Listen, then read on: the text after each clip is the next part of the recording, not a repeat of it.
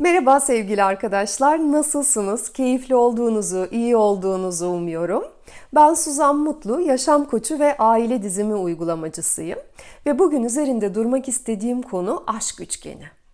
Konuya girmeden önce ama eğer videolarımı izliyorsanız ve buradaki videolar size bir bilgi katıyorsa, bir değer katıyorsa ve kanalımı da hala takibe almamışsanız lütfen alın. Bu beni çok motive edecektir ve yeni videoları daha hevesle yapmamı sağlayacaktır.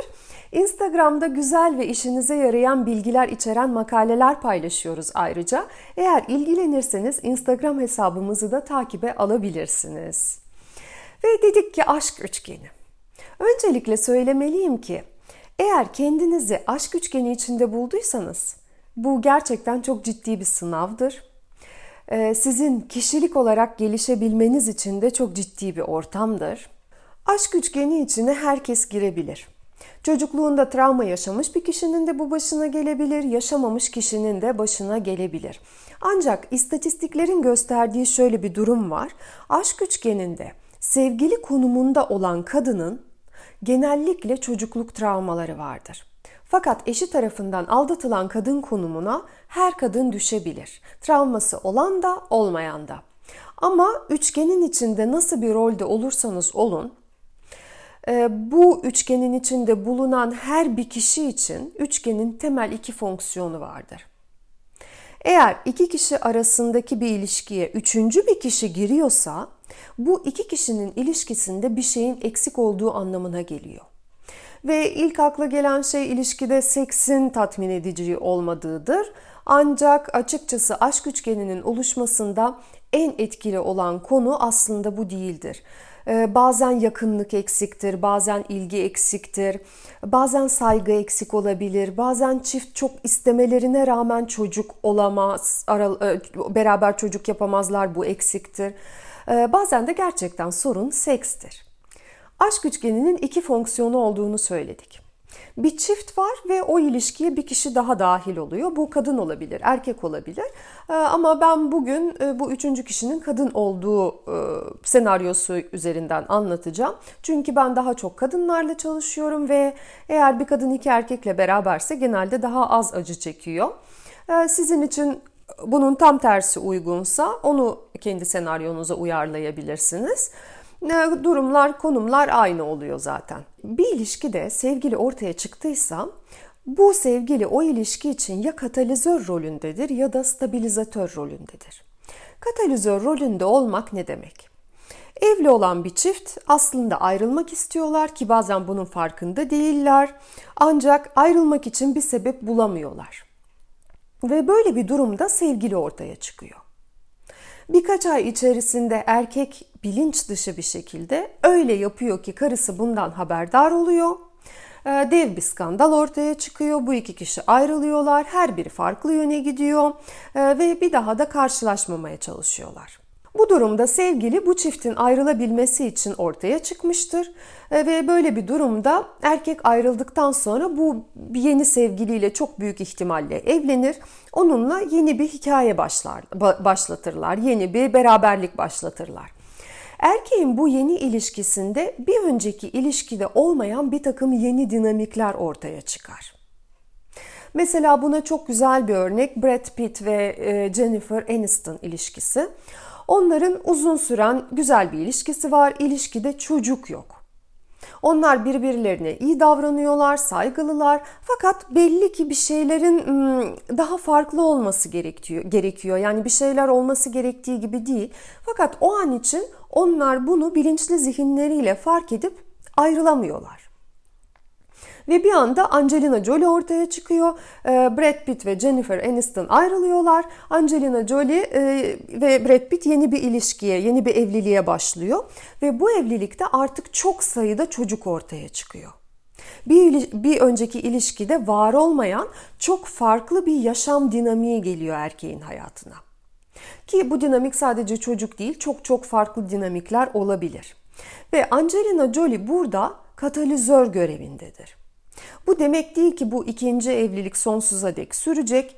Orada da zamanla farklı sorunlar ortaya çıkabilir ama ilk evlilikte eksik olan roller bu ikinci evlilikte ortaya çıkarlar. Mesela ilk evliliğinde erkek pasif bir erkek olabilir, çalışmayan bir erkek, motivasyonu olmayan bir erkek olabilir. Katalizör bir kadın gelir ortaya çıkar. Erkek ikinci evliliğini bu yeni kadınla yapar ve bambaşka bir hayata geçer. Onun hayatına hareket gelir, e, para gelir, e, daha dinamik bir hayatı olmaya başlar. Farklı şeyler gelir. Bunun anlamı şu değil. İlk karısı çok kötüydü, bu ikinci karısının enerjisi çok yüksek, çok iyi. Bu anlama gelmiyor. Sadece şu anlama geliyor. E, bu erkek ve bu kadın arasındaki ilişkide erkek pasif kalmış. Basitçe o ikisi arasındaki etkileşim böyle bir sonuç doğurmuş. Oysa ki ikinci kadınla yaptığı evlilikte başka bir dinamik söz konusu. O kadınla o dinamik daha iyi uyumlu. Ve ilk kadının hayatına da bambaşka bir erkek gelebilir ve bu bu erkek bu kadının yanında tamamen kendi olabilir, kendi potansiyelini gerçekleştirebilir, kendini konforlu hisseder ve çok aktif, güçlü bir erkek olabilir. Tamamen e, şansa dayalı açıkçası budur. Bir ilişkide sevgili katalizör görevinde ise her şey çok hızlı olur biter. Birkaç ay veya en en en çok bir sene içinde eşin haberi olur bu durumdan. Eş bu duruma kesinlikle dayanamaz ve ayrılık gerçekleşir. E, hatta bazen sevgili eşi arar, e, ben varım sizin hayatınızda haberin olsun der ee, bazen erkeğin kendisi bu duygusal yüke dayanamaz ve eşine bunu itiraf eder. Bazen eş çeşitli mesajlar yakalar. Muhakkak ki bir şey olur. Ve olaylar öyle denk gelir ki eş bunu anlar ve bu ayrılık gerçekleşir. Ee, burada eş olan kadın evet acı çekecektir. Çok büyük ihtimalle çekecektir. Ama onun karşısında da aslında iki tane seçenek belirir.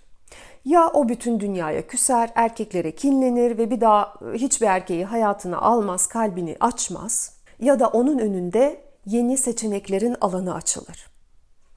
O affeder, salar bu olumsuzluğu hayatından, e, bunu büyüme ve yeni farkındalık seviyesine geçme adımı olarak görür. E, bu ilişkinin onun gelişimi için artık yeterli olmadığını anlar ve bu seviyeden kendi hayatı için yepyeni bir sayfa açar. Hayatta ölüm ve yeniden doğum döngüsü sürekli vardır. Yani eskiyi salıp e, yerine daha güzel olan yeniye alan açmak. E, bu aslında doğal olan şeydir. E, ve böyle bir hikayede de eğer eş konumunda bulunduysanız siz bu rol kesinlikle kolay bir rol değil. Ancak bu rol yeni güzel fırsatlara da gebe olabilir. Bu çiftin aslında reel olarak beraber bu dünyaya katabilecekleri şeyler tükenmiştir. Fakat e, bu kişiler henüz bunu kendilerine itiraf edememekteler. Bu kişiler çok büyük ihtimalle birbirlerinin hayatlarında kalarak birbirlerini de geliştiremeyeceklerdir. Sadece birbirlerine alışık oldukları için beraber bir hayat sürüyorlardır. Rahat fakat geliştirmeyen bir ortamdır bu. Oysa ki ruh bu dünyaya gelişmek ve büyümek için geldiğinden dolayı kader ağlarını öyle bir şekilde örüyor ki bu iki kişinin bilinçli veremedikleri kararı zorla verdiriyor. Ee, eğer kadın dünyaya küsmezse, bunu bir fırsat olarak görürse çok büyük ihtimalle sonraki hayatı çok daha mutlu olacaktır. Ve burada bu kadın e, bu durumu öğrendiğinde tabii ki acı çekmesin demiyorum. Çek, tabii ki çekecektir. Hayatımızdaki her ölümden sonra bizim acı çekmemiz çok doğal bir durum, normal. Ama biz bunu atlatıp içimizde nefret biriktirmeden temiz, sevgi dolu bir kalple yola devam edebiliriz. Bu kesinlikle mümkündür. Ve kadın bunu başarırsa kesinlikle sonraki hayatında daha mutlu olacaktır. İkinci durum da sevgilinin stabilizatör rolü oynadığı durum. Bu ilk duruma göre çok daha eziyetli bir durumdur. İlk anlattığım seçenekte sadece bir kişi acı çekecekse yani ihanete uğrayan kadın acı çekiyorsa burada her üç kişi de acı çekiyor. Ee, bu durumda evli olan çift daha uzun süre beraber var olmaya hazırdır aslında. Bu ilişkinin devam edecek enerjisi vardır. Fakat bu çiftin arasındaki ilişkide bir şeyler dengeli değildir. Tatmin edici bir denge yoktur. Bir şey eksiktir. Mesela seks tam tatmin edici değildir az önce saydığım gibi veya kalpten kalbe yakınlık eksiktir. Kadın erkeği duymuyor olabilir. Ona hayranlık duymuyordur. Aklına fikrine saygı duymuyor olabilir. Veya erkek bu kadınla sıkılıyor olabilir. Konuşacak bir şey bulamıyor olabilirler. Ama en nihayetinde bu iki kişinin e, birbirinden alacakları, beraber yapacakları şeyler henüz tükenmemiştir. Onların onların gönülleri henüz ayrılmaya hazır değildir. Veya bu iki kişinin ayrılabilmesi için gerekli kaynaklar da eksik olabilir. Çünkü bu çift arasında karşılıklı bir bağımlılık var olabilir. Ee, beraber beraber de çok iyi değiller, iyi hissetmiyorlar. Ancak ayrı ayrı kesinlikle yapamayacakları durumlar söz konusu vardır. Yani ayrı ayrı yaşayabilme alışkanlıkları, böyle bir şansları yok. Bu durumda sevgili ortaya çıkıyor. Ve e, şöyle düşünecek olursak iki kişi olduğunda şöyle e, şunun evlilik olduğunu düşünelim böyle dengesiz duruyor. Ve üçüncü bir kişi stabilizatör durumuna çıkıyor. Bu, bunu bu evliliği dengeliyor. Evet bu durumda da çok sağlam olmayabilir ama bir öncekine göre daha sağlam. İşte bu stabilizatör rolü. Bazen bu stabilizatör konumundaki kadın çok seksi olabilir, çok güçlü bir sevgili arketipine sahip olabilir. Erkek onunla beraberken alfa erkek rolünü oynayabilir, onu tatillere götürür, ona pahalı hediyeler alır. Ee, veya bu ortaya çıkan kadın kız çocuğu arketipinde olabilir. Bu zor durumda bir kadındır. Onunla ilgilenebilecek pek kimse yoktur. Hayatla başa çıkmakta zorluk çekiyordur. Evi olmayabilir, işi olmayabilir. Yani zor durumda basitçe. Erkek bu sefer o kızın kahramanı olmaya çalışır ve onu bu zor durumdan kurtarmak ister. Ve bu erkek çok büyük ihtimalle kurtarıcı durumunda olmayı çok istiyordur, o seviyordur bu rolü. Ancak karısı ona bu ortamı vermemiştir her şeyle kendisi çok güzel bir şekilde başa çıkabilen bir kadınsa eğer e, bu rolü eşine veremez. Veya ortaya çıkan bu üçüncü kadın yönetici pozisyonunda olabilir. Güçlü, akıllı, eğitimli, hayatla başa çıkabilen bir kadındır ve erkek bu kadınla beraber kendisini de güçlü, akıllı hisseder. Oysa karısının alanındayken kendisini aptal hissediyor olabilir. onun aklına değer verilmediğini hissediyor olabilir. Yani erkek evlilikte eksik olan şeyi gider dışarıdaki sevgiliden alır. Ve böylece bu evlilik aslında sürdürülebilir bir evliliğe dönüşür. Evli olan çiftin arasındaki ilişki büyük ihtimalle iyileşir ve bir düzene girer. Ee, çünkü erkeğin artık bütün ihtiyaçları giderilmiştir. Birazını evlilikte gidermiş, birazını dışarıda gidermiş ama memnuniyetsizlik etmiyor. Ve bu tür ilişkiler uzun sürerler. Bu ilişkide e, sevgili olan kadın e, ve erkek hiçbir zaman evlenemezler. Sadece ikisinin olduğu bir beraberlik kurmazlar.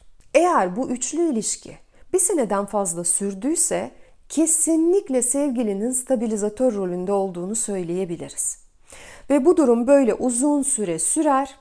Bir noktada eğer eş e, eş olan kadın bu böyle sürmez artık der ve ayrılırsa Erkek bu iki kadından da e, bu iki kadınla da beraberliğini sürdürmez. Beraber kalmaz onlarla.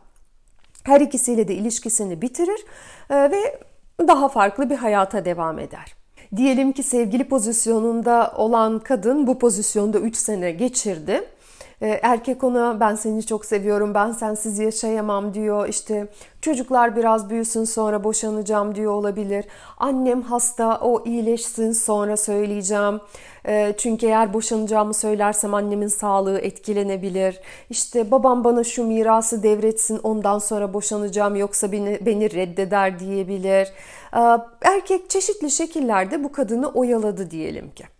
Ve kadın bir gün canına tak etti. Erkeğin karısını arayıp ilişkilerini anlatmaya karar verdi. Böylece bu sevgilinin amacı e, eşin öğrenmesi ve erkeğe boşanma davası açmasını tetiklemek. E, böyle bir durumda ama erkek sevgili pozisyonunda olan kadından ayrılacaktır. Belki daha sonra karısıyla da boşanacak ama sevgiliyle de ilişkisi mutlaka bitecektir. Bu sevgilinin eşi arayıp kendinin var olduğunu haber vermesi senaryosu e, sadece sevgili katalizör pozisyonunda ise ancak o zaman işe yarar. Ve erkeğin eşi öğrenmesine rağmen diyelim ki boşanma boşanmadı, boşanmaktan bahsetmedi hiç. E, bu durumda erkek sevgiliyi terk eder çünkü onun bu yaptığı şeyi ihanet olarak algılar. Ve bu hayatta hiçbir şey bizim başımıza boşuna gelmiyor. Bu nedenle aşk üçgenindeki her bir roldeki kişinin de bu durumdan öğreneceği çok değerli şeyler vardır aslında. Eğer kişiler almaları gereken dersi alırlarsa bir sonraki ilişkilerinde aşk üçgeni olmayacaktır. Ee, öğrenmek ne demek burada? Kişi daha önce aşk üçgenine girmeden önce kendisinde bulunmayan bir takım özellikler geliştirmişse bu olayla beraber işte bu öğrenmedir. Ancak kişi kendinde hiçbir şey geliştirmemişse, hiçbir şey değiştirmemişse e, bu aşk üçgeni süreci içerisinde sadece bu duruma katlandıysa, geçmesini beklediyse, sadece acı çeker bir pozisyonda kaldıysa o zaman çok büyük ihtimalle bu ilişki biter, bir sonraki ilişkisinde yine aşk üçgeni içine girer. Çünkü biliyorsunuz biz dersi öğrenene kadar benzer olaylar bizim başımıza gelir dururlar. Bu dersler çok çok çeşitli olabilir. Her birimiz için farklıdır. Eğer eş konumundaki kadın isek, ilişkideki bir takım ihtiyaçları fark etmiyor olabiliriz. Partnerimizi duymuyor olabiliriz. Kalbimiz kapalı olabilir, bağ kuramıyor olabiliriz. Veya bu ilişkide kendimizi e, gösteremiyor olabiliriz gerçek benliğimizi. Eğer sevgili konumundaysak en başta dediğim gibi çok büyük ihtimalle bir takım çocukluk travmaları vardır. Ee, henüz çözemediğimiz ki bizi bu duruma sürüklüyor. Bunlarla yüzleşmemiz, bunları çözmemiz gerekir. Neden ben kendimi tam bir ilişkiye layık görmüyorum? Bunu değerlendirmek gerekir. Neden ben ikinci kadın olmakla yetiniyorum? Bu soruların cevaplarını bulmak gerekir ki bu cevaplar herkes için farklıdır. Ee, bizim kendi durumumuzu anlamamız gerekiyor. Tabii ki bu anlayışı geliştirmek için farkındalığımızı bizim geliştirmemiz gerekir. Ve ben de Haziran ayı için yeni bir çalışma hazırladım. Ee, Mutlu Kadın Yükleri Salma Çalışması. Burada biz anne ve babamız üzerinde çok çalışıyor olacağız. Onlarla ilişkimizde ilişkimize çok kapsamlı bir şekilde bakacağız. Onlarla olan ilişkimizde çözülmeyen ve bizim bugünkü hayatımızı olumsuz etkileyen şeylere bakacağız ve bunları hayatımızdan salmak için çalışacağız. Ee, annemizle babamızla olan ilişkimizden veya onlardan gördüğümüz bir takım sınırlayıcı inançları fark edip onları değiştirmeyi öğreneceğiz. Hmm, ilişkideki dişil eril dengelerini inceleyeceğiz. Ve eğer ilgilenirseniz sizi de bekliyorum. Ee, bu çalışma 4 tane temel webinardan oluşacaktır. Her hafta biz 2-3 saat arası sürecek olan birer webinar yapacağız ve bu webinarlar süresince de çeşitli çalışmalar yapıyor olacağız grup olarak. Ayrıca bu çalışma için bir seçeneğimiz daha var. 12 ee, kişilik bir VIP gruba katılma seçeneği de var. Bu VIP grupta yapacağımız şey de e, her bir 12 kişi için birer aile dizimi seansı yapmak olacaktır. Bu webinarlara ilaveten olacak bu. Yani her bir kişiyle bireysel çalışma yapılacak ve burada e, bireysel çalışma derken Diğer 11 kişi de bu çalışmayı izliyor olacaklar. E, ya izleyici olacaklar veya aile diziminde temsilci olacaklar. Ee, ve biz sadece kendi çalışmamıza değil diğer 11 kişinin çalışmasını da gözlemliyor olacağız. Oradaki dinamiklere de tanık olacağız. Çünkü farklı kişilerin çalışmalarına biz tanık olduğumuzda yine farkındalık kazanıyoruz kendi hayatımızla ilgili. Ve eğer ilgilenirseniz kayıt linklerini aşağıda açıklamalar kısmında paylaşıyorum. Ee, linklere tıklarsanız daha ayrıntılı bilgi mevcut e, çalışmayla alakalı. Ve şimdilik hoşçakalın diyorum. Sevgiler.